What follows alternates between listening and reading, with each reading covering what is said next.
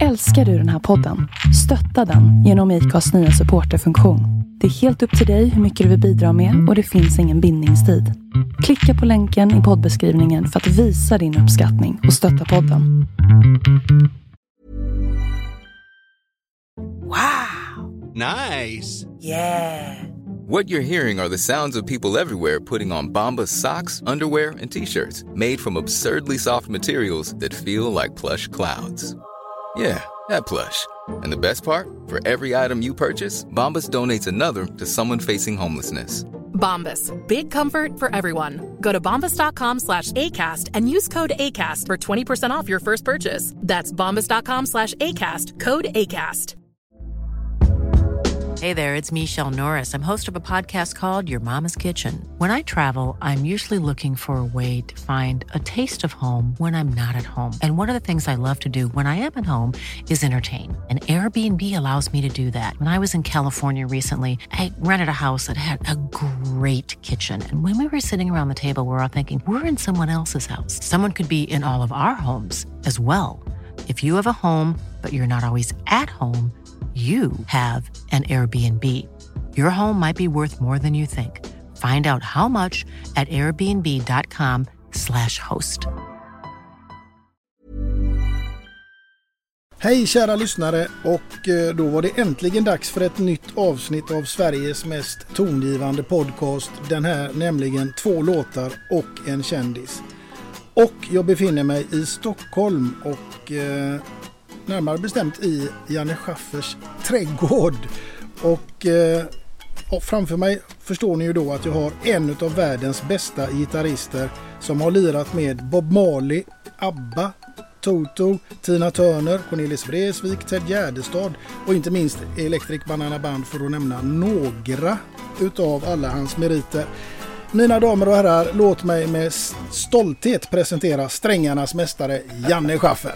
Tack så mycket. Ja, du, du tar i ordentligt känner jag. Men eh, ja, det stämmer. Det, allt stämmer utom att eh, jag spelar med musiker från Toto. Jag har aldrig spelat med Toto. Det är, det är en, liten, en liten blandning där. Men eh, jag råkade spela in en skiva i Hollywood 1977 och då så fick jag välja musiker och då råkade det bli Jeff, Mike och Steve Porcaro och även deras pappa Joe Porcaro. Så hela familjen Porcaro är med på en av mina skivor och det är fantastiskt. Men jag har aldrig spelat med Toto. Nej. Bara säga. Ja. En liten tillrättavisning där. Ja, det, men det, det, det, så står det överallt så det är lugnt. Ja. Du, eh, den här podden den handlar ju faktiskt till stor del om just ämnet musik, vilket är någonting som du har levt med i stort sett under hela ditt liv. Men, men när tog allting sin början egentligen? Eh, för min del så, jag är uppvuxen i Stockholm, jag är så kallad urstockholmare och mina föräldrar möttes på det som hette Musikhögskolan, eller Akis på den tiden hette det egentligen då. Min mamma var utbildad pianopedagog och min pappa spelade fiol. Han kunde dock aldrig spela liksom yrkesmässigt men han hade som hobby att spela med Stockholms kammarorkester. Och min mamma var pianolärarinna och hade lektioner i vårt hem då på Berglandsgatan i Blackeberg där jag växte upp. Och eh, jag kunde aldrig, eh, ta, alltså jag hörde så mycket pianoelever som strömmade in varje dag, måndag, tisdag, onsdag, torsdag, fredag i veckan. Så att jag kände att jag kommer aldrig att lära mig att spela lika bra som min mamma, för hon var fantastisk pianist. Men däremot så 1957 så hade jag, eh, gick jag Blackebergs läroverk och då hade jag träslöjd. Och eh, jag var väldigt intresserad av träslöjd och 1957 så byggde jag en akustisk gitarr i, i skolan. Jag var 12 år gammal och det var starten till hela min musikaliska karriär.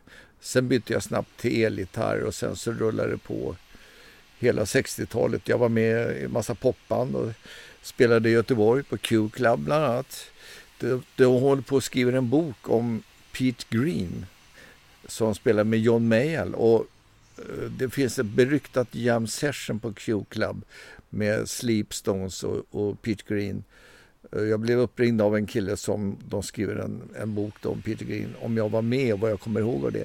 Och då var, där var inte jag med för jag hade åkt hem från det giget men de killarna i bandet var kvar. Mm ja, hela 60-talet var ju fantastiskt och, och, jag skulle kunna berätta mycket om det om, om du vill veta. Vad, jag, jag spelade med eh, det mest berömda som jag spelade med på 60-talet var Sleepstones. Och vi, vi var förband till Cliff Richard and the Shadows. Vi var förband till ett band som fick låna våra instrument eh, och det var Pink Floyd. Jag har hört The Band, jag har hört The Beatles live, jag har hört Rolling Stones live med Brian Jones. Alltså det är så, och The Doors har jag också hört. Mm. Det, det, alltså det, man fick uppleva allting på hela 60-talet och man bara sög upp allt det här och lärde sig och fick intryck. Och jag är väldigt glad för att jag fick vara med om den perioden. Och vi är några stycken som har hängt kvar från den tiden. Då, då som kanske du känner till. Tommy Körberg, Björn och Benny och några till som, som eh, fick vara med om den här musikaliska revolutionen under hela 60-talet. Och sen från 70-talet kan man säga att vi i Sverige började skapa vår egen riktiga svenska musik. Pop, den riktiga svenska poppen, liksom, både internationellt och svenskt. Mm. Men du tillhör också den generationen, tänker jag, som har fått uppleva eh, proggens eh, storhetstid. Ja, proggen kom på 70-talet. Det var ju det blev en liten polarisering där i svensk musikliv. Alltså antingen så var man proggare eller så jobbar man med annan typ av musik. Och, Eh, jag träffade ju sedermera då Totta Näslund och Nicke Ström och, och, från Nationalteatern och Tottas Bluesband och sånt där. Det var väl det var lite synd att det blev så där polariserat, att det skulle vara så mycket politiskt. Eh, jag spelade då i Stockholm och spelade in egna skivor som jag tycker det har kommit ut en tjock bok som handlar om den progressiva musiken på 70-talet. Och eh, där finns jag med som både jag och Björn Jonsson Lind som progressiva musikikoner. Och då frågade jag hur kan det komma sig? För det, vi, vi var inte alls eh, uppfattade som, eh, som progressiva musiker på 70-talet. Men då visade det sig att de killarna som skrev den här boken, de var barn till proggare och de tyckte att de omvärderade vår musik och tyckte att ni jobbade med progressiv musik. Sen jobbade vi som studiemusiker också. Men om man då ska räkna politiska skivor så var jag med på en platta, eller jag var med på Cornelis Victor Jara-platta. Björn Jonsson Lind och jag gjorde en, en platta med Lena Granhagen med Theodorakis och Wolf Biermann. Vi gjorde lite andra grejer också, men samtidigt var vi med på ABBA. Vi gjorde Gärdestad, jag var med på Lasse Berghagen en kväll i juni. Och, alltså massvis med sådana här låtar som nu har blivit klassiker. Va? Och världs-evergreens. Alltså Mamma Mia är jag med och spelar på till exempel. Och det, det hade man ju inte en aning om att det skulle bli. Men jag är otroligt stolt över... Det finns ingenting som jag tar tillbaks eller så. Jag tycker jag har fått ett otroligt rikt musikerliv. Fått vara med om oerhört fina eh, upplev musikupplevelser. Så, dessutom så var jag med bitvis också med Radiojazzgruppen och fick spela med eh, Palle Mickelborg, Carla Bley, Georg Riedel hade skrivit, Eje Thelin, fantastisk jazzmusiker som jag blev väldigt nära kompis med. Och det, det finns mycket som man fick uppleva som, eh, som idag inte... Jag saknar den tiden lite grann. Och det var, det var också hela progmusiken var ju lite uppfriskande för det var väldigt starka krafter och sådär. Det progressiva som finns idag, om man ska nu uppfatta det som det, det är ju då att miljöengagemanget. Mm. Och där är jag kan säga, där är, är vi två gamla miljöproggare, Lasse Åberg och jag. Vi håller fanan högt i, vårt, i vår konstinstallation som heter Electric Banana Band och där ligger miljöfrågan väldigt starkt. Så att vi bakar in det Lasse bakar in det i texterna och så gör jag musik som folk kan sjunga med i och de ska kasta batterier på rätt ställe och sånt där. Himalaya, det är snart för sent Och så får han Bananer vara med och joddla lite kanske? Bananer får vara med och vi får lära honom både låtar och texter så han kommer ihåg allting. Men vi har en, en eh, fantastisk kör på fem stycken som heter Los Flamingos mm. i, som leds av Sebastian Rilton. Och det kan vi se inom parentes, de var inte födda när vi började. Så att vi har hållit 40 år. Så att det, men de är otroligt duktiga och vi har hela tiden omgett oss av de bästa musikerna. Mm. Vi hade Per Lindvall, Peter Jung från början. Eh, Peter Jung är kvar men nu har vi Morgan Höglund som är sitter på, alltså på Skansen. Tobias Gabrielsson, en fantastisk basist. Och sen har vi Joni Happala. Och hans mamma sjöng i Nursery Rhymes. Hon är nog, representerar nog progg-sidan av musik. För hon, och henne känner jag väl. Men det kommer en ny generation och hans pappa spelar med en grupp som heter Iskra. Mm. Men han är slagverkare och är otroligt duktig. Så att, eh, det är ett väldigt bra, en bra konstellation skulle jag vilja säga. Det är inte ett band riktigt men det är, vi uppstår när vi, när vi får frågan om vi ska komma och spela. Så ja. vi det. Du, du vet också lite grann på vem det är som har tipsat mig om att ta med dig i podden eller fråga dig. Jag har hört att det är Magnus Rosén. Det är helt korrekt. Ja, det är roligt för att jag, spelat lite med Magnus Rosén. Han är väldigt eh, eh, aktiv musiker och kreatör och entreprenör också. Och jag är med och spelar lite grann på hans kommande skiva faktiskt. Och den, det är speciellt två låtar där. Jag är rätt imponerad hur de, hur de kommer att eh, framstå. Han har hittat två jätteduktiga sångare också på det. Så att det, jag är stolt över att vara med på hans skiva. Härligt. Du, jag måste ju naturligtvis passa på att fråga dig en musikalisk fråga såklart. Eh, Jaha. Men vilket är ditt absolut första minne till musik som du kan härleda till från tidig ålder? Ja, det är när jag fick följa med min pappa när han spelade med Stockholms kammarorkester. Eller när jag fick följa med och lyssna på Brahms Requiem i Konserthuset.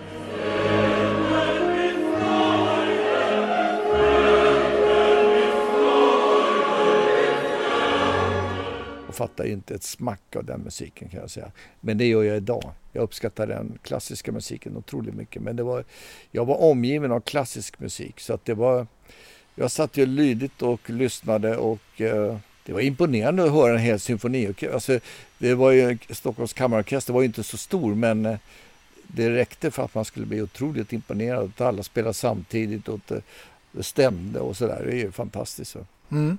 Du, du har också en viss svaghet för att spela i kyrkor har jag läst någonstans. Ja, det, det, alltså det, det är svårt med konserthus i det här landet därför att ibland, oftast är de både dyra att hyra och eh, de, de är ganska stora. Så kyrkorummet att föra fram musik i, det, det, det är mycket bra. Där är, kan komma 200, 300, 400, 500 också. Så där. Det är precis lagom storlek och, och akustiskt kan det bli väldigt fint också. Mm. Jag spelade väldigt mycket med Björn Isholm Lind i kyrkor och eh, flöjten låter ju fantastiskt i kyrkan. Jag, kan ju, jag spelar ju elgitarr. Jag har ju spelat också med eh, en av Sveriges absolut främsta organister, Marcus Varg. Han är, är kantor i eh, Luleå domkyrka. Men det är en av våra absolut främsta improvisatörer och jag spelar även med Gunnar Idenstam och spelat i kyrkor även med körer. Leif Strands kammarkör är fantastiskt. Jag spelade med Storkyrkan under Gustav Sjökvist och Storkyrkans kör några gånger också. Och körmusik i kyrka, det är fantastiskt. Mm. Nu hoppas man ju att nu ligger körer risigt till i de här pa pandemitiderna för att det är, man varnar att den så kallade eh, hemska ordet smittspridningen är den kan öka väldigt mycket i körmusik. Jag är väldigt orolig för körmusikens framtid därför att eh, vi har byggt upp en kultur, en tradition på körmusik. Så jag hoppas man löser det här problemet så att körmusiken kan fortsätta för att det är väldigt viktigt. Det, det är en, och dessutom är en, att sjunga i kör är en otroligt fin social gemenskap som inte att förringa. Nej, verkligen inte. Och du, när vi kommer in på det här med att eh, spela i kyrkor så läste jag också att du har ju fått spela på, även på några begravningar. Ja, det var senast i, i fredags. Men det var inte i kyrka utan då stod jag i Dalälven och spelade och då var det, då spelade jag en av de låtarna som jag har valt en låt till som en låt, den personen som dog han hade den som stor favorit och det är helt otroligt att det, man har fått vara med och spela in en låt som har betytt så mycket för så många. Men jag har spelat på, på Cornelis begravning tillsammans med Björn Jisson Lind och när jag kommer hem, det sändes i tv i direktsändning och när jag kommer hem så ringer telefonen och då är det Bo Zetterlind som frågar vad spelade ni för musik? Det var fantastiskt. Och det var Brusa Högerlilla och, och Härifrån till evigheten. Sen har jag spelat på Ted Gärdestads begravning Jag har spelat också. Björn J. Solins, mina kompisars begravning. Det, det, det tar lite på kraften kan jag säga. Det, det är väldigt speciellt men det, det är hedersamt att få ett sådant uppdrag. Att, att, eh, att en, den av, det händer ofta, att, att, inte ofta kanske är fel ord, men det händer att folk önskar sig eh, musik som jag har varit med och spelat in och helst att jag ska vara med och framföra den också. Så att, eh, men jag spelar på bröllop också. Mm. Det är ju mer glädjande. Ja, det, det gjorde jag i lördags.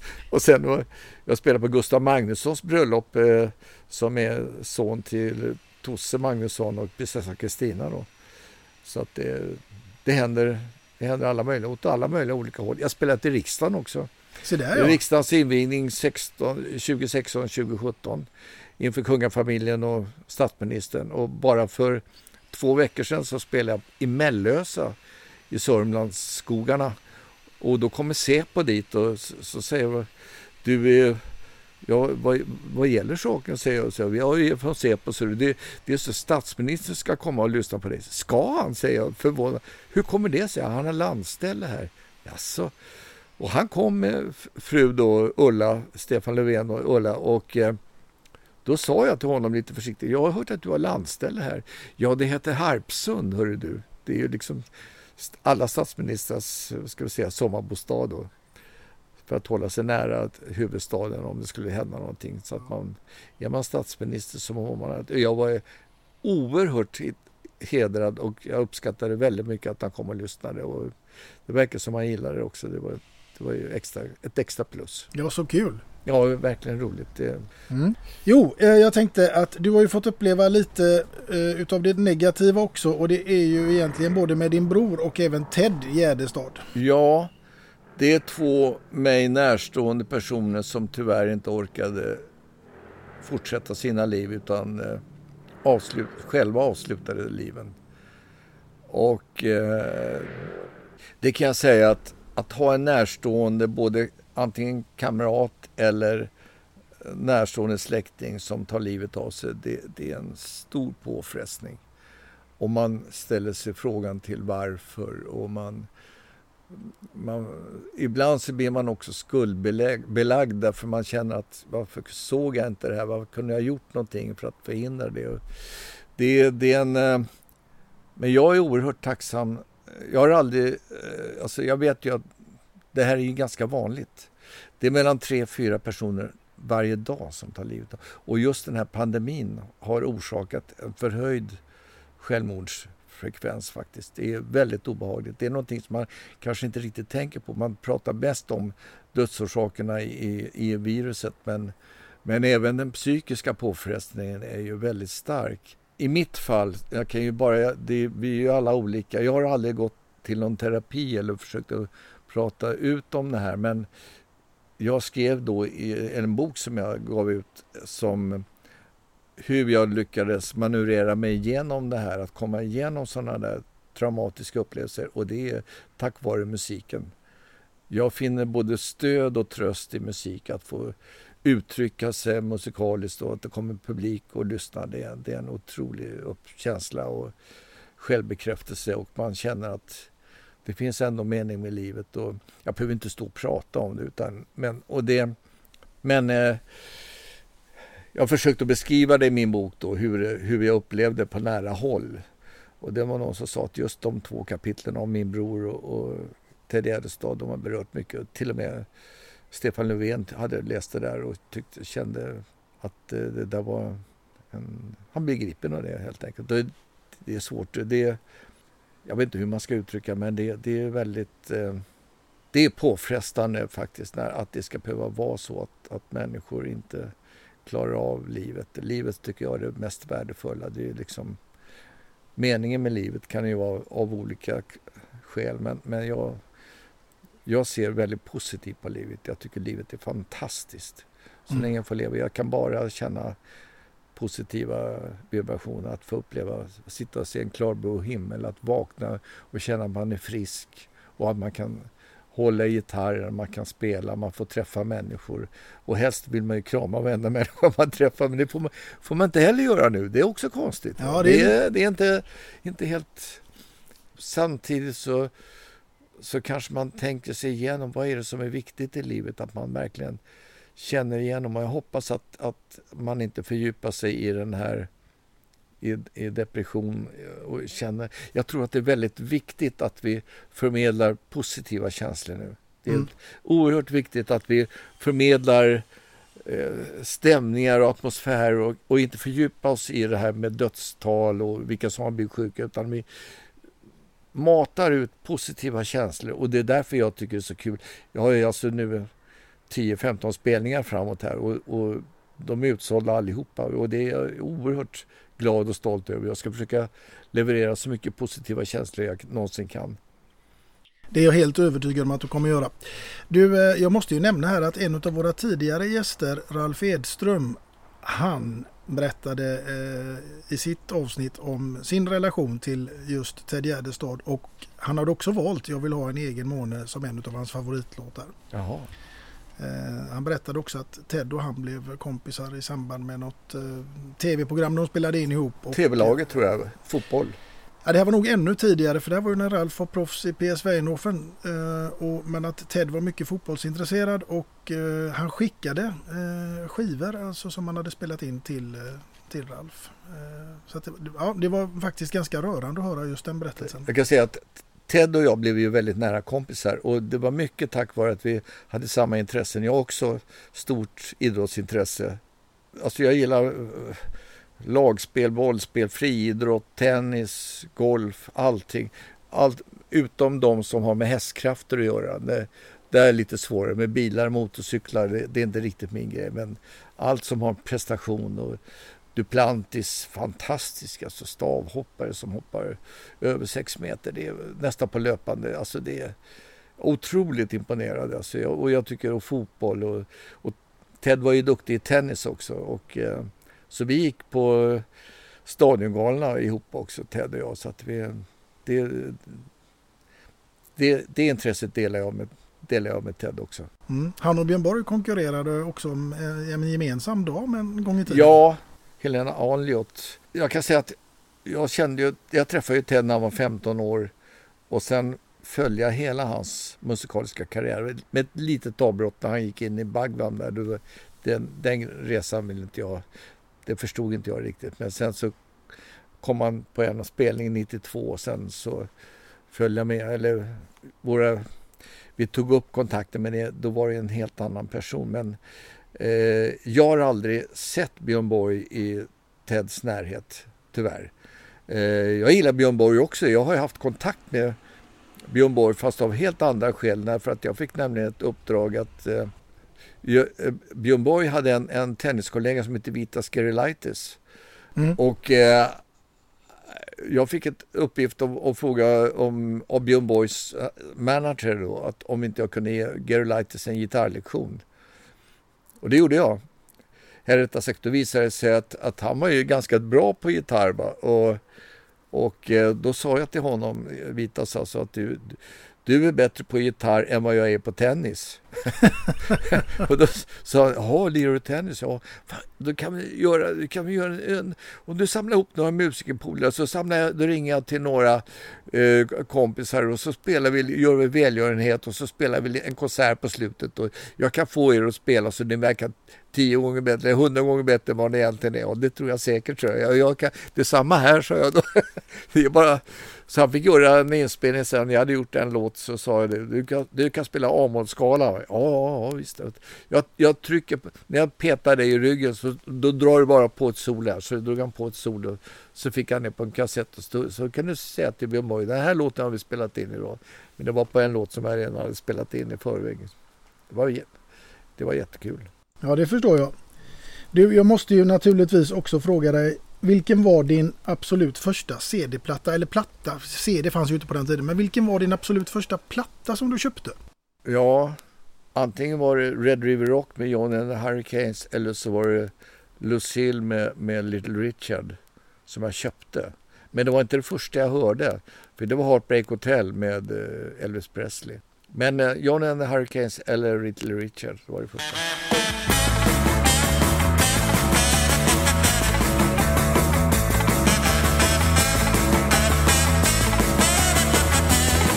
Men det är ändå inget dåligt första eh, minne till, till den plattan. Nej, alltså det var ju fantastiskt. Jag, och jag är fortfarande lika imponerad. Jag älskar hans första plattor med, med, med Scotty Moore på gitarr. Mm. Jag tycker de är fantastiska. Det, för det var ju liksom swingmusiker egentligen. Va? Och det var egentligen så här att Scotty Moore hade ett band ihop med, med, med eh, Black, eller jag kommer inte ihåg vad han hette förra nu, eh, och så var det en trummis då.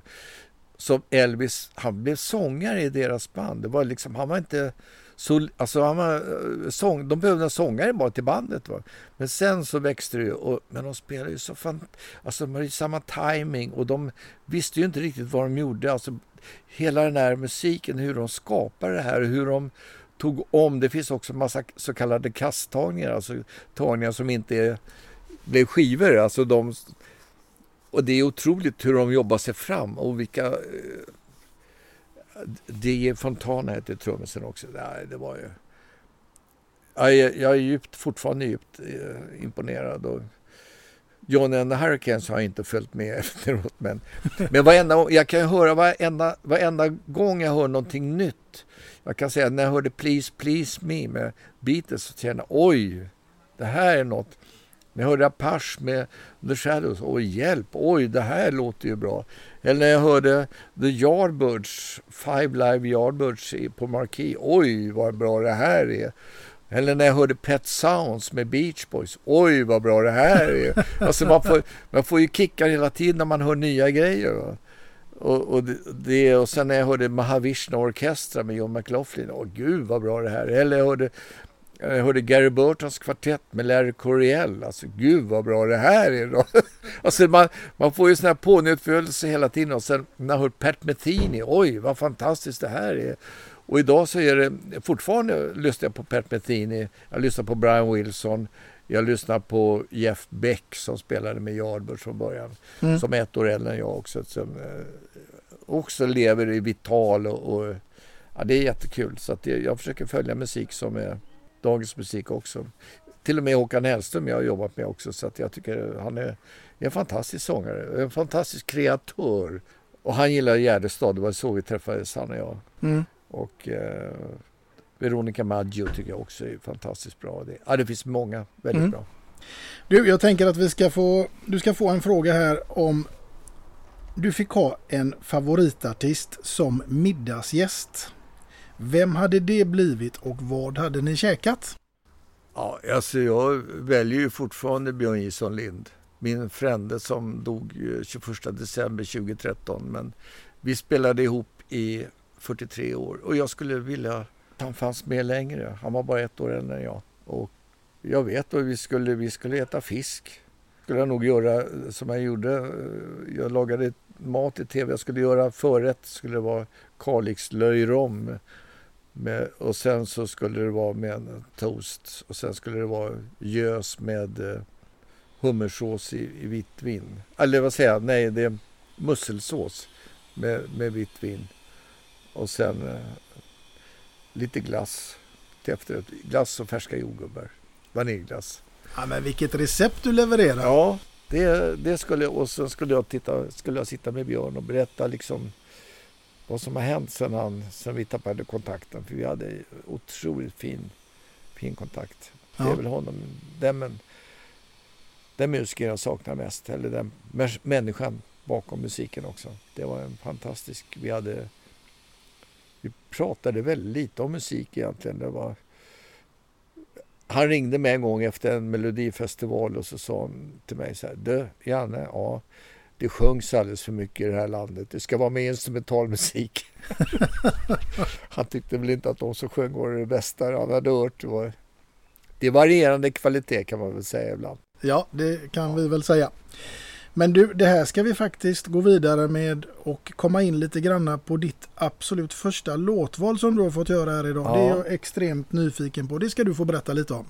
Ja, det är då Björn Jison Lind som är eh, upphovsman till detta stycke. Alltså det är, jag skulle kunna prata väldigt länge om honom därför att vi var, stod varandra väldigt nära. Den första gången jag såg honom, det var en eh, Grammisgala på tv, sändes från Berns. Eh, Cornelis får utmärkelsen för en skiva med Bellman. Och Cornelis tar emot utmärkelsen och så säger han, tackar han så mycket så säger han så här att egentligen ska inte jag ha den här Grammisen, det ska producenten och arrangören för den här skivan ha och det är Björn J. Lind och han sitter där. Och så blev det en närbild på Björn som dök under bordet och inte ville synas. Björn var inte den mest mediala personen kan man väl säga sådär. Va? Men eh, jag brukar säga så här att att stå bredvid Björn på konserter och spela, det är som en lektion i musik. Han gick tio år på Musikhögskolan och hade i flöjtsolist, pianosolist och komposit komposition och han hade Carl B Blomdahl och Ingvar Lidholm som lärare. Han eh, fantastisk eh, instrumentalist. Alltså det var, och hans kompositioner är oerhört avancerade. Han, han, skrev, han gjorde tre plattor med Staffan Scheja. Han skrev all musik. Han, vi spelade på varandras skivor hela tiden. Sådär. Och, och speciellt då på 70-talet så, jag spelade på 72 på hans platta som, jag kommer inte ihåg vad den hette, men det fanns en låt som heter My Machine som blev lite en hit i, Holland. Mm. Så då, åkte vi dit och så fick jag vara hans kompmusiker. Det var väldigt skönt att slippa stå i fronten sådär. Och sen gjorde jag min platta då 73 och den låg då sex veckor på första plats på alla topplistor. Och måste ju säga att eh, då fick jag det här. Jag, jag ville ju fortsätta jobba som studiomusiker men då kände jag att nu kan jag, göra, nu kan jag stå på egna fötter. Och så sa jag till Björn, kan vi inte dela på, jag spelar hälften av dina låtar, hälften av mina låtar så bildar vi band. Ja, visst. Så gjorde vi det och så hette, eh, vi hade med oss en kille som hette Janne Forsell som jobbade på radion ihop med Kjell Arlinge. Och så att, eh, de gjorde ett kultprogram som hette Hemma hos. Och då var Janne Forsell med och han döpte oss till Hörselmat. Så åkte vi runt och så spelade vi obegriplig fusionmusik. Vi spelade, och det var tekniskt och det var komplicerat. Och vi begrep inte så mycket och inte publiken heller. Va? Men vi tyckte det var kul att lira, publiken tyckte det var kul att lyssna. Så att alla var nöjda. Och det var då genom det som jag fick spela in en platta i Hollywood också med de musikerna som då bildade Toto. Och, eh, så, och Björn fick också skriva otroligt mycket. Han skrev ju alltså musik till Dramaten, Hamlet. Han skrev en eh, musik till en pjäs på Dramaten som het, eh, pjäsen heter Försteslickaren. Och den pjäsen eh, recenserades i tidningen av P.O. Enquist. P.O. Enquist skriver att, att den, den, här dramatikern bör söka sig ett annat jobb. Det var totalsågning. Det var bara det, den dramatikern hette Lars Norén. Och han, han fick en lysande... Så Björn skrev alltså musik till Lars Noréns debutpjäs på Dramaten och gjorde ett Hamlet och sen så eh, skrev han också filmmusik. Mannen på taket, Jägarna. Men så kommer vi fram då till, eh, det är faktiskt 40 år sedan, så vi hade varit ute på turnén, en Europaturné Björn och jag och eh, så det var ganska ska säga, ganska ansträngande turné. Vi var rätt så slut när vi kom hem, men vi, blev, vi kom varandra väldigt nära. Det hände grejer på den turnén som gjorde att vi kom varandra väldigt, väldigt nära. Nu blir man ju nyfiken och frågar vad då? Ja, det var väl, ja, det, det står lite grann om det i min bok. jag hänvisar till min bok så får ni läsa. Det tar, det tar lång tid att berätta. Men det var, vi kom varandra väldigt nära och eh, så när vi kommer hem då så så får Björn ett uppdrag. Han ska skriva musiken till en film som heter Barnens ö som bygger på en bok av P.C. Erskild. Eh, och filmen ska regisseras av eh, Kai Pollak. Och då spelar vi på Mosebacke och Kai Pollak kommer dit och lyssnar. Och sen så efter spelningen så ska Kai Pollak följa med Björn hem och så ska de diskutera hur musiken ska läggas upp till filmen och sådär. Och i den vevan innan han sticker iväg Björn så ger han mig lite notpapper och så säger han Janne du kan titta på den här låten, vi ska spela in den, den ska vara med i filmen här i nästa, på onsdag nästa vecka. Ja visst. Så åker jag hem och så tittar på den här noten och jag fattar ingenting. Det här var ju helt annorlunda än vad vi hade gjort tidigare. Det var inte alls sån här obegriplig fusionmusik. Det var något helt annat. Det var ingen demo utan det var bara notpapper. Eh, jag väntade två dagar så ringer jag upp Björn och så frågar jag du, eh, hur gick det förresten med Kai Pollak? Ska du göra musiken till Barnens ö? Då svarar Björn, nej, ska jag inte, för vi funkar inte ihop, Kai och jag. Nasse gör ni? Nej. Men, eh, jaha, men den här låten du gav mig då? Ja, den ska vi spela in, ser du. Jaha. Ja, vad kul. Eh, men du, jag undrar, hur ska jag spela på den här låten? Ja, då säger Björn så här, du, jag tänkte du skulle räkna ut det själv. Vilket otroligt förtroende. Och då gör jag det. Jag tog honom på orden. Så jag satt med och så först, det var skrivet i ett läge, jag lyfte upp hela låt, melodistämman. Eh, jag tänkte jag, jag ska säkert spela melodistämman så jag lyfte upp den en oktav. Spela så högt upp på gitarren som möjligt. Jag tycker låt, gitarren, ju högre upp jag spelar på gitarren med, med just den melodin, desto bättre låter det. Så kom vi till studion och det var två tagningar. Först gjorde vi en tagning och det är live. Det är Per Lindvall på trummor, det är Stefan Brolund bas och Björn på piano och så jag på gitarr. Men den andra tagningen, då satt den. Och sen så la vi på, jag la på lite akustiska gitarrer och sen la på, Björn på då med stråkar och det är Brusa hög och Lilla Å. Och den har följt oss och följer mig nu hela tiden och jag är så stolt och tacksam och glad att jag fick spela melodistämman på den låten. Då tycker jag helt enkelt att vi tar och lyssnar på den nu. Ja, det tycker jag. Det är en bra idé.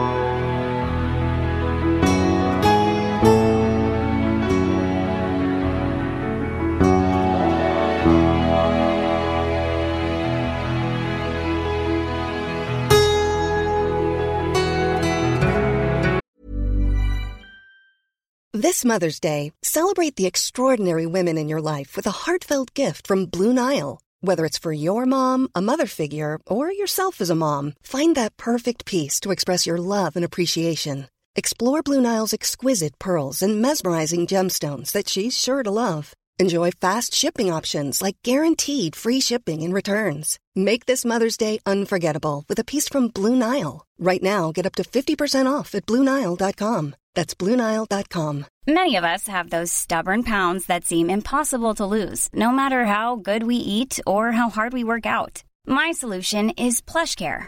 PlushCare is a leading telehealth provider with doctors who are there for you day and night to partner with you in your weight loss journey. They can prescribe FDA-approved weight loss medications like Wagovi and Zepbound for those who qualify.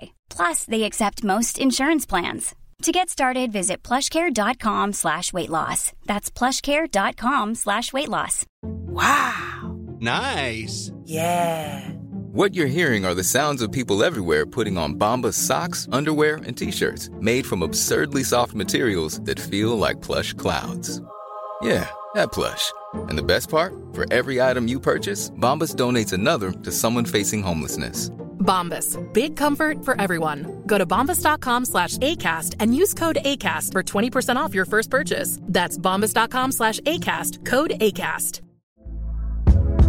Hey there, it's Michelle Norris. I'm host of a podcast called Your Mama's Kitchen. When I travel, I'm usually looking for a way to find a taste of home when I'm not at home. And one of the things I love to do when I am at home is entertain. And Airbnb allows me to do that. When I was in California recently, I rented a house that had a great kitchen. And when we were sitting around the table, we we're all thinking, we're in someone else's house. Someone could be in all of our homes as well.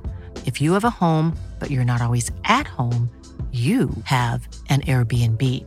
Your home might be worth more than you think. Find out how much at airbnb.com/slash host.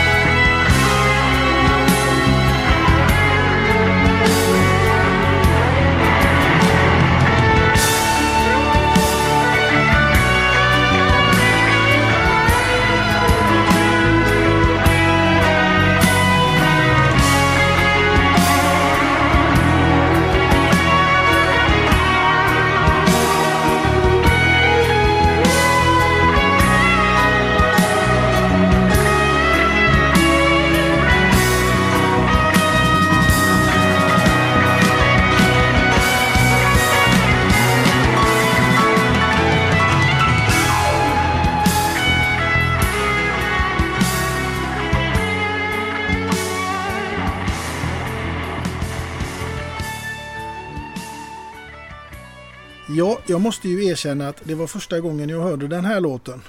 Jaha. Och jag hoppas att du har spelat den långa versionen också, för det finns många versioner. Det finns ett, det, den här långa versionen är 5-6 minuter, där är ett långt gitarrsolo på slutet. Och det, jag tyckte jag hörde det. Ja. Ja, vad bra. Du hörde det där lite bättre än jag, men Ja. ja, ja långt var det. Ja. Du, eh, nu tänker jag att vi ska göra ytterligare en liten resa. Och, Får, jag, får jag bara lägga till att det året, det här var 40 år sedan den spelades in, då var den, om man räknar på Sveriges Radio, eh, P4 kan man säga, eller P3 eller vad det var, vilken, det var den tredje mest spelade låten under det året. Se där. Ja. Det är inte dåligt. Nej, det är fantastiskt. Ja, verkligen. Jo, vi ska göra en liten resa för du ska nämligen få leka lite med din fantasi. Jag vet inte hur van du är vid att göra med det, men den här gången så ska du i alla fall få bege dig till en öde ö och du får ta med dig en enda platta. Vilken Jaha. blir det? Ja, det blir eh, Pet Sounds med Beach Boys.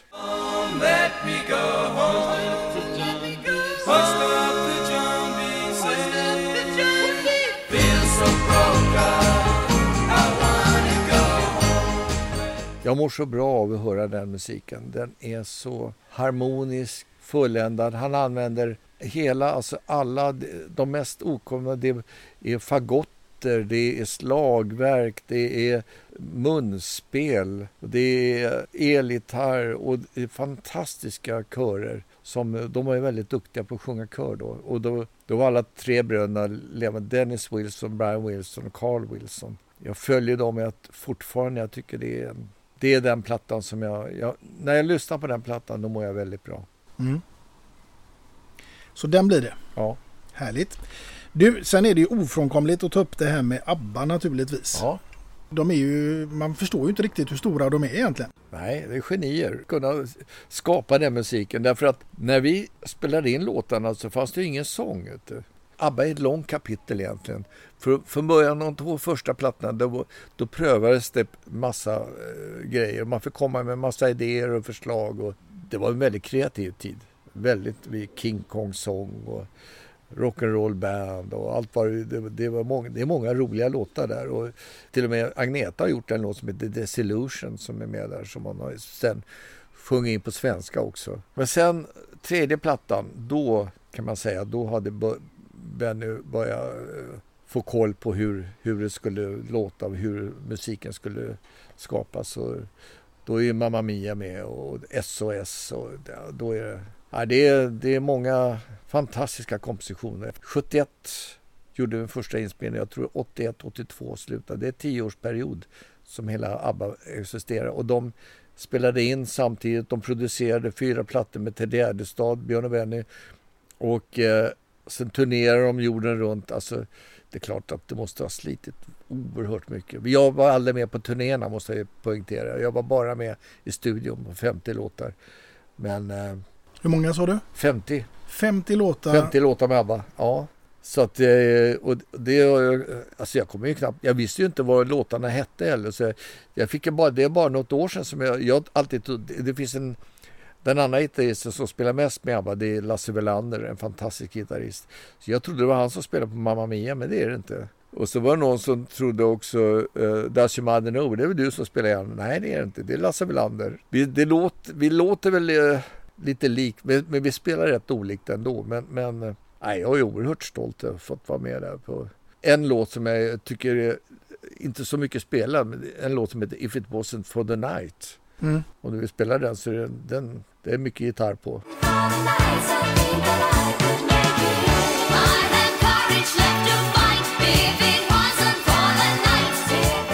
Den är jag väldigt nöjd med. Ja. Det finns många låtar som jättekul. Men en låt som jag tycker att du gör helt fantastiskt. Det är ju den här Jag vill ha en egen måne Ja. instrumentalt. Alltså den är så jäkla bra. Ja, vad roligt. Tack så mycket. Det, jag var ju med, Ted spelade in, jag har räknat ut 91 låtar. Jag finns med på 69 av dem så det, det är ganska många låtar. Så vi, vi blev ju väldigt nära kompisar. Men när det, Ted gick bort 97 så tragiskt så det grep mig väldigt hårt. Då spelade jag på hans begravning och då, det bara dök upp den här tolkningen av, jag var ju med och spelade in den då på första plattan där, Undringar. Och eh, Eh, den spelar jag nästan alltid. Men jag måste alltid ha en pianist med. För jag kan spela den själv i och för sig, men den blir mer effektfullt om, jag, om det är piano och gitarr. Liksom. Men det är ett, mitt sätt att skildra både Ted och mig själv och vår relation som och den blir alltid, det blir alltid olika. Det blir aldrig riktigt likadant. Det är olika tolkningar varje gång. Mm. Du, eh, nu ska vi gå in på någonting här som jag tror att många lyssnare med spänning sitter och väntar på att jag ska ställa den här frågan. För att alla som vet vem Janne Schaffer är och har sett dig lira, de vet att det är inte bara strängarna som rör på sig när du spelar, utan det gör även tungan. Ja, jag vet. Eh, ibland så blir jag själv irriterad när jag ser Fan vad jag håller på med den här tungan ändå. Jag tänker inte på det. Men det är, det är koncentration.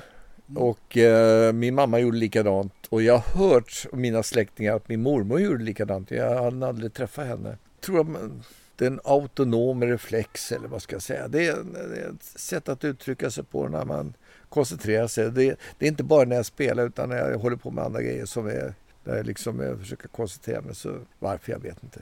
Nej. Det, men det, så, så är det. det jag har gjort en låt själv också som heter Tungan bara för att om det är någon som vill spela den så går det fint att höra på den. Himla bra på den låten. Ja. ja, det är ingen tunghäfta där. Nej, nej för fan. Nej. Man kan ha mycket roligt med en tunga, det kan jag säga.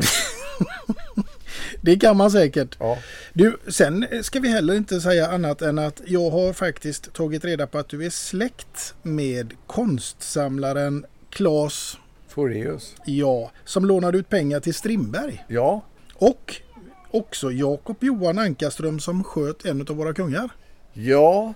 Det Gustav den tredje. Just precis.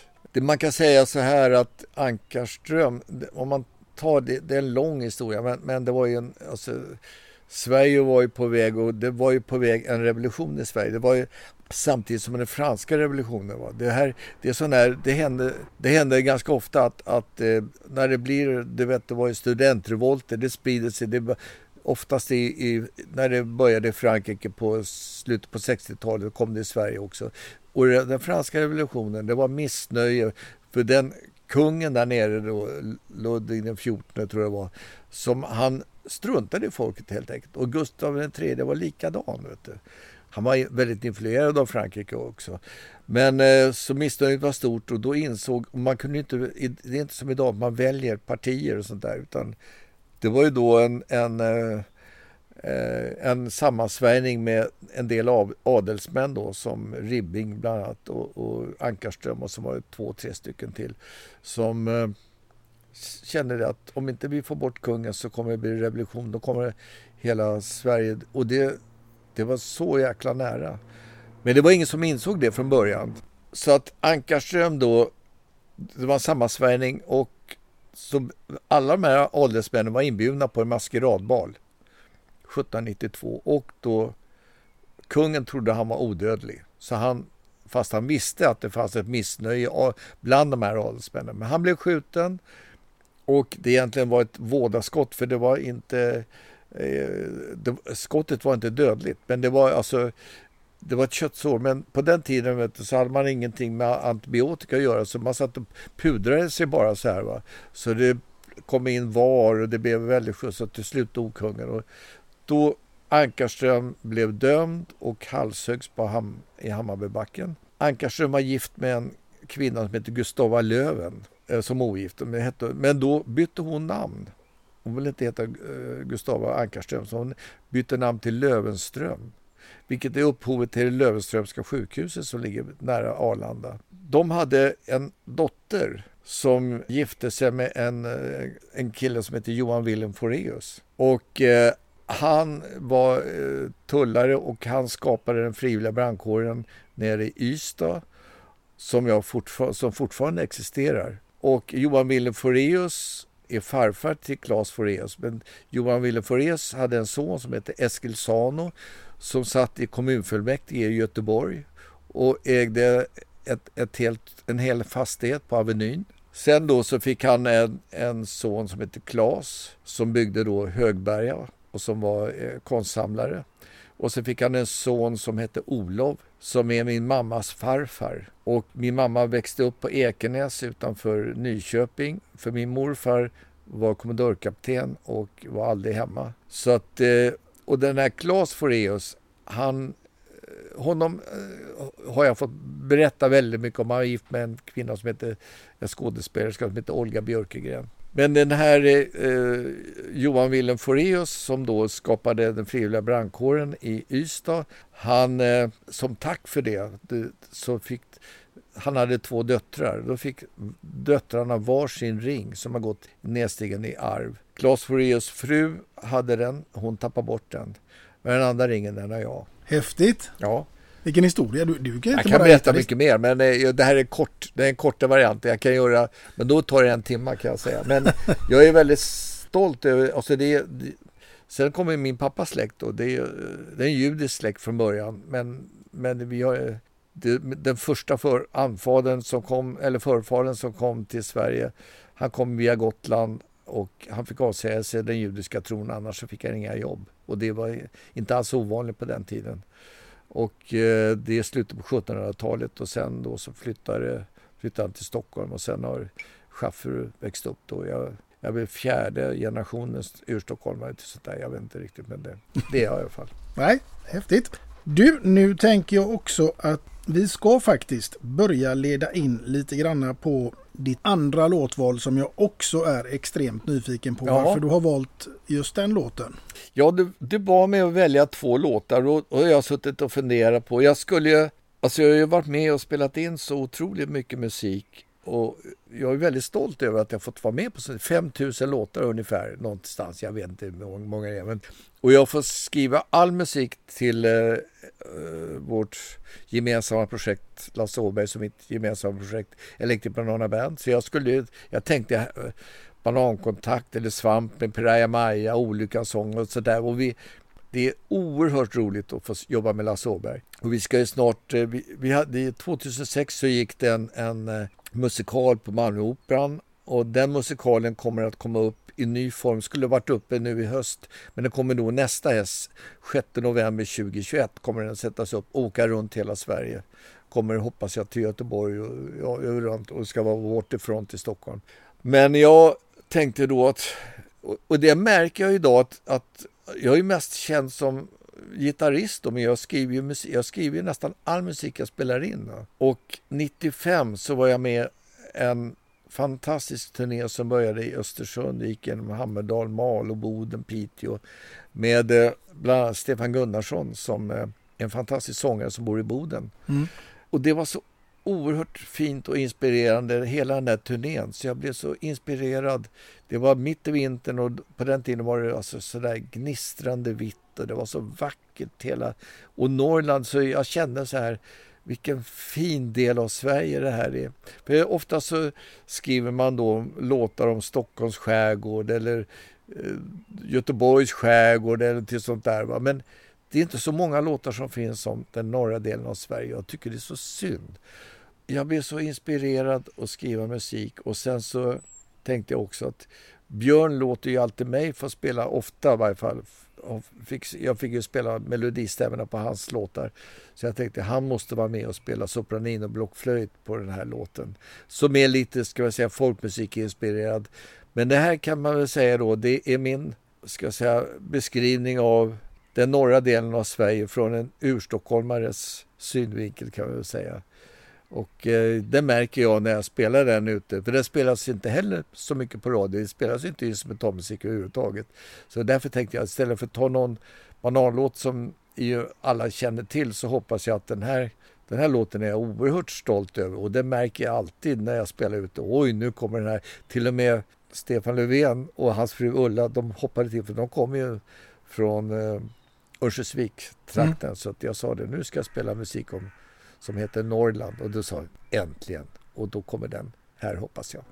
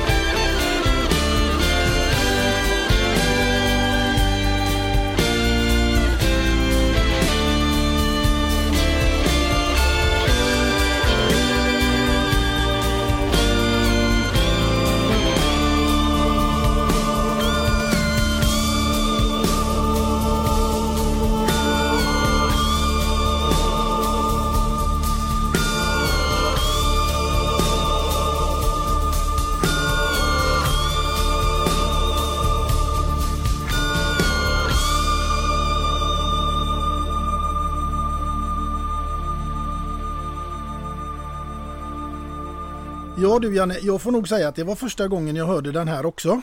Ja. jag har en del att lära. ja. Jag, jag har gjort signaturen till eh, VM på skidor i Falun faktiskt också.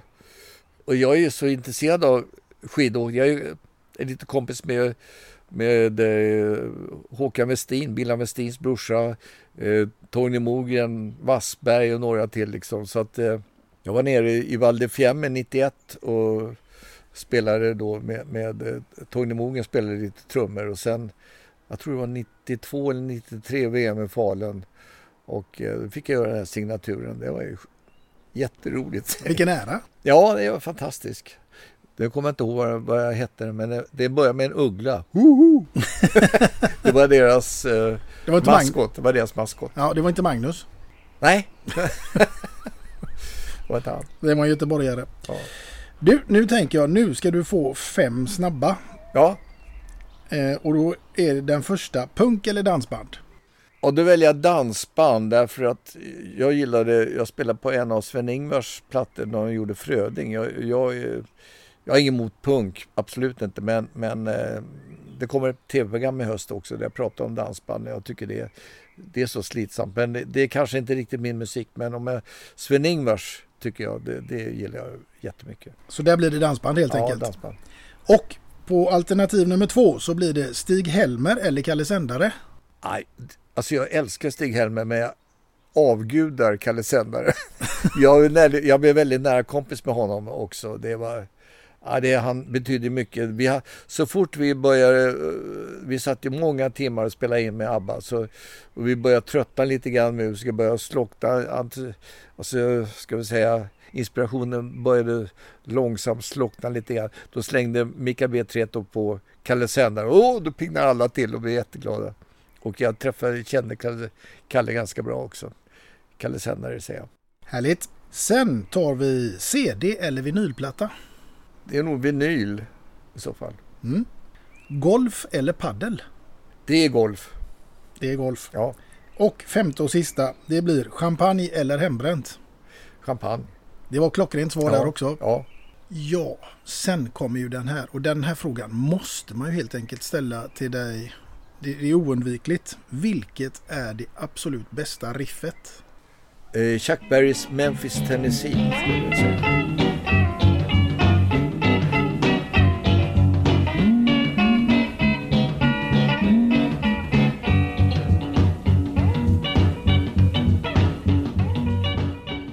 Du, sen kommer en annan grej här och den är kanske lite klurigare men du har ju spelat med så otroligt många olika musiker. Mm. Och du känner säkert till de sju dvärgarna. Ja. Det är alltså Kloker, Blyger, Glader, Prosit, Butter, Toker och Trötter. Ja. Och jag tänkte att du ska få hitta en musiker här nu in som passar in på varje kategori. Och då är frågan, vem skulle bli Kloker? Kloker, jag var med en, en musikal som hette Snövit och de sju dvärgarna faktiskt. Och där Kloker spelades av Björn Skifs. Och han var orkester, han var kapellmästare också för bandet. Så där, där har vi svaret. Det Ja. är Björn Skifs. Ja, Blyger då? det var jag. Det blir Janne Schaffer. Ja, det var, det var jag i det bandet faktiskt. Så det, det kan vi nog, det, det kan jag nog finna mig i den rollen. Ja. Glader då? Ja, då, då tror jag att jag tar Putte Wickman som jag jobbade med. Han var ju fantastiskt glad och spjuver. Mm. Alltid någonting väldigt roligt, underhållande. Ja, De är härliga att ha i sin närhet. ja. En som inte är lika rolig att ha i sin närhet kanske är Prosit. Prosit, det var faktiskt Lasse Åberg i den orkestern så han får ta den rollen där också. Den längsta dvärg jag någonsin har sett kan jag säga.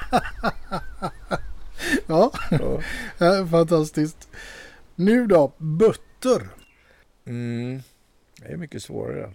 Jo, jag har träffat en musiker som var Eric Gale. Mm. Han, jag- var med och spelade i Montreux, jazzfestivalen i Montreux med massvis med musiker. Stan Getz, Dexter Gordon, Billy Cobham, Bob James. Men Eric Gale, han var klart butter, det kan jag säga. Varför vet jag inte, men Han får den han äran. får den. Ja. Toke då. Klerup. Klerup får den rollen. Mm. Och den sista, Trötter. Ingen som har somnat vid pianot någon gång. Ja, det, har, det har faktiskt hänt i studion en gång att Björn Solén somnade i studion. ja, och han, kan ibland, han kunde ibland bli väldigt trött på en viss typ av musik också. Om det var för mycket. Så att det, det är nog Björn. Ja. Mm. Det var raskt marscherat att klara av de här tycker jag. Det var inte ja, dåligt. Det, det, var, det var en svår fråga egentligen. Men det, det, det har väldigt många olika skäl också. Så får vi se. Mm. Sen tänker jag att vi måste ju faktiskt beröra det här med Bob Marley ändå. För han ja. var här i, ja. i, i Sverige. Ja, i Nockeby. Ska berätta historien? Ja, men ja. det tycker jag. Och det, ibland så sägs det att han har bott i min källare. Han har aldrig någonsin bott i min källare. Men det var så här att 1971, det är ett magiskt år för det var då första Ted-plattan, det var då första ABBA-låten och det var då hade jag spelat med en, en afrikansk slagverkare som heter Ribop Kwakuba. Han var polare med eh, Titios pappa, Amadou Yar, bland annat. Det var ett gäng med, med eh, slagverkare som hängde här i Stockholm då. Men Ribop, han skulle vara med på en, en skivmusikinspelning och frågade om jag ville vara med. Och då frågade jag vilka, vad är det för film? Och då sa han, du vet, det kommer hit en amerikansk solsångare heter Johnny Nash och han ska spela huvudrollen mot Christina Skolin och skriva musiken till en film som skulle heta Vill så gärna tro. Och eh, då brukar jag, alltid, brukar jag alltid fråga publiken om det är någon som kommer ihåg den filmen. Det är ingen som gör, men för det var nämligen, den gick nämligen ner efter två eller tre dagar så det var ingen succén, Fast den är inte så tokig om man ser på den idag. Men i varje fall eh, Johnny Nash kommer till Sverige med manager, musiker, arrangörer och istället för att hyra in sig på ett dyrt hotellrum så hyr man en hel villa i Nockeby. Och så börjar vi spela in i studion på Europafilm här borta som inte finns kvar längre. Och när man spelar in sån här, det vet det är mycket musik till en film, då brukar man vara väl förberedd. Det brukar ta två, tre dagar högst. Men det här tog en vecka, två veckor och mitten av den tredje veckan så insåg jag och några av mina musik, svenska musikkompisar, eh, Ola Brunker bland annat, att han passar på, Johnny Nash passar på att göra en massa demoinspelningar till sin kommande skiva. Det har ingenting med filmen att göra. Men han säger ingenting till filmbolaget som snällt betalar ut lön till oss. Så det, måste, det är en väldigt smart affärsidé. Va? Han gör helt annat än, han säger ingenting till dem. Va? Så vi får väldigt bra betalt. Och sen en dag så ringer han till mig och så säger han så här, Janne can you come to the house? I'm gonna show you some new music for my new album. Och ny musik vill man ju alltid spela in. Så att jag åkte dit med taxi och jag kommer dit och så spelar han upp en vinylskiva. Så lät sådär. Så han frågade mig då, what do you think about this Janne? Då ville inte jag vara oartig så jag sa, It sounds very interesting Johnny. I'm gonna bring this guy, here, gonna teach you how to play this new music for my new album. Och jag förstod ju direkt att det här kommer ju... Nu har han släppt den här filmen totalt. Va? Så att, ja, två dagar senare så kommer den här mannen då i kostym, skjorta, slips. Det var bara det att det här huset kryllade av människor. För varenda sovrum var fullt. Amerikanerna hittat svenska flickvänner. Och låg folk i sovsäckar i vardagsrummet, i köket, överallt. Jag fattar inte var alla kom ifrån. Så var det någon som sa, var ska vi placera den här stackars mannen? Ja, jo, vi lägger in madrass i pannrummet. Ja, där kan bo. Och det gjorde han. Och det var Bob Marley. Och han bodde där i sju, åtta, kan ha varit nio månader. Och jag fick på första parkett lektioner i reggae-musik. Och vi gjorde faktiskt en låt som Bob Marley, eller som Johnny Nash spelade in som heter Stir It Up. Och den har jag alltid, jag har hittat en, en nästan fem minuter lång, eh, 15 minuter lång, förlåt, 15 minuter lång demo där Bob Marley sitter och spelar upp låtar för Johnny Nash som är tänkta att vara på Johnny Nashs nya platta. Men i det pannrummet skrev han alla låtarna som han sen spelade in 1972 i London på den första soloplattan som heter Catchy Fire. Så att, eh, men han, han pratar aldrig om den här tiden i Sverige. Och han hade en väldigt mystisk manager med sig också, Danny Sims. Det var det var mycket som hände på den tiden som inte händer idag. Han rökte konstiga cigaretter också. Det var jävligt dimmigt i studion. Jag fattade inte vad det var. Aldrig sett vare sig förr eller tidigare. Men eh, det var lärorikt och jag är väldigt stolt att jag fick vara med. Och soundtracken för den filmen är inte så dumt faktiskt. Nej. Niklas Wahlgren är med också. Han är bara fyra, kan vara tre, fyra år. Oj! Ja, så att det kommer ni över den filmen så kolla in den och kolla in musiken. Den är ganska intressant faktiskt. Ganska bra. ska vi absolut göra. Du, eh, Janne, den här podden börjar närma sig sitt slut och jag är eh, evigt tacksam för att eh, du ville medverka. Det var väldigt trevligt att sitta och prata med dig faktiskt. Ja, Om både ditten och datten som det så fint heter. ja precis. Ja. Men det är ju så här också att alla gäster som är med i våran podd, de får ju en eh, mugg med två låtar och en kändis som kommer ifrån Peter Bärkroth och Bäst i Väst i Göteborg. Eh, Den är naturligtvis med våran snygga logga, två låtar och en kändis och så självklart Janne Schaffer.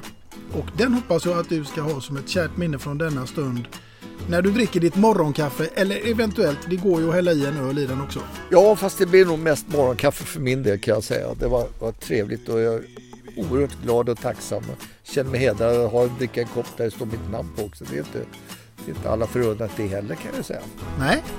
Och är det så att du kommer till eh, Göteborg någon gång så får du absolut höra av dig. Det ska jag absolut göra. Ett stort tack. Och eh, till er kära lyssnare så säger vi tack för denna gången. Och eh, vem som sitter framför mig nästa gång, ja, det får ni se då. Ha det så bra där ute. Hej då!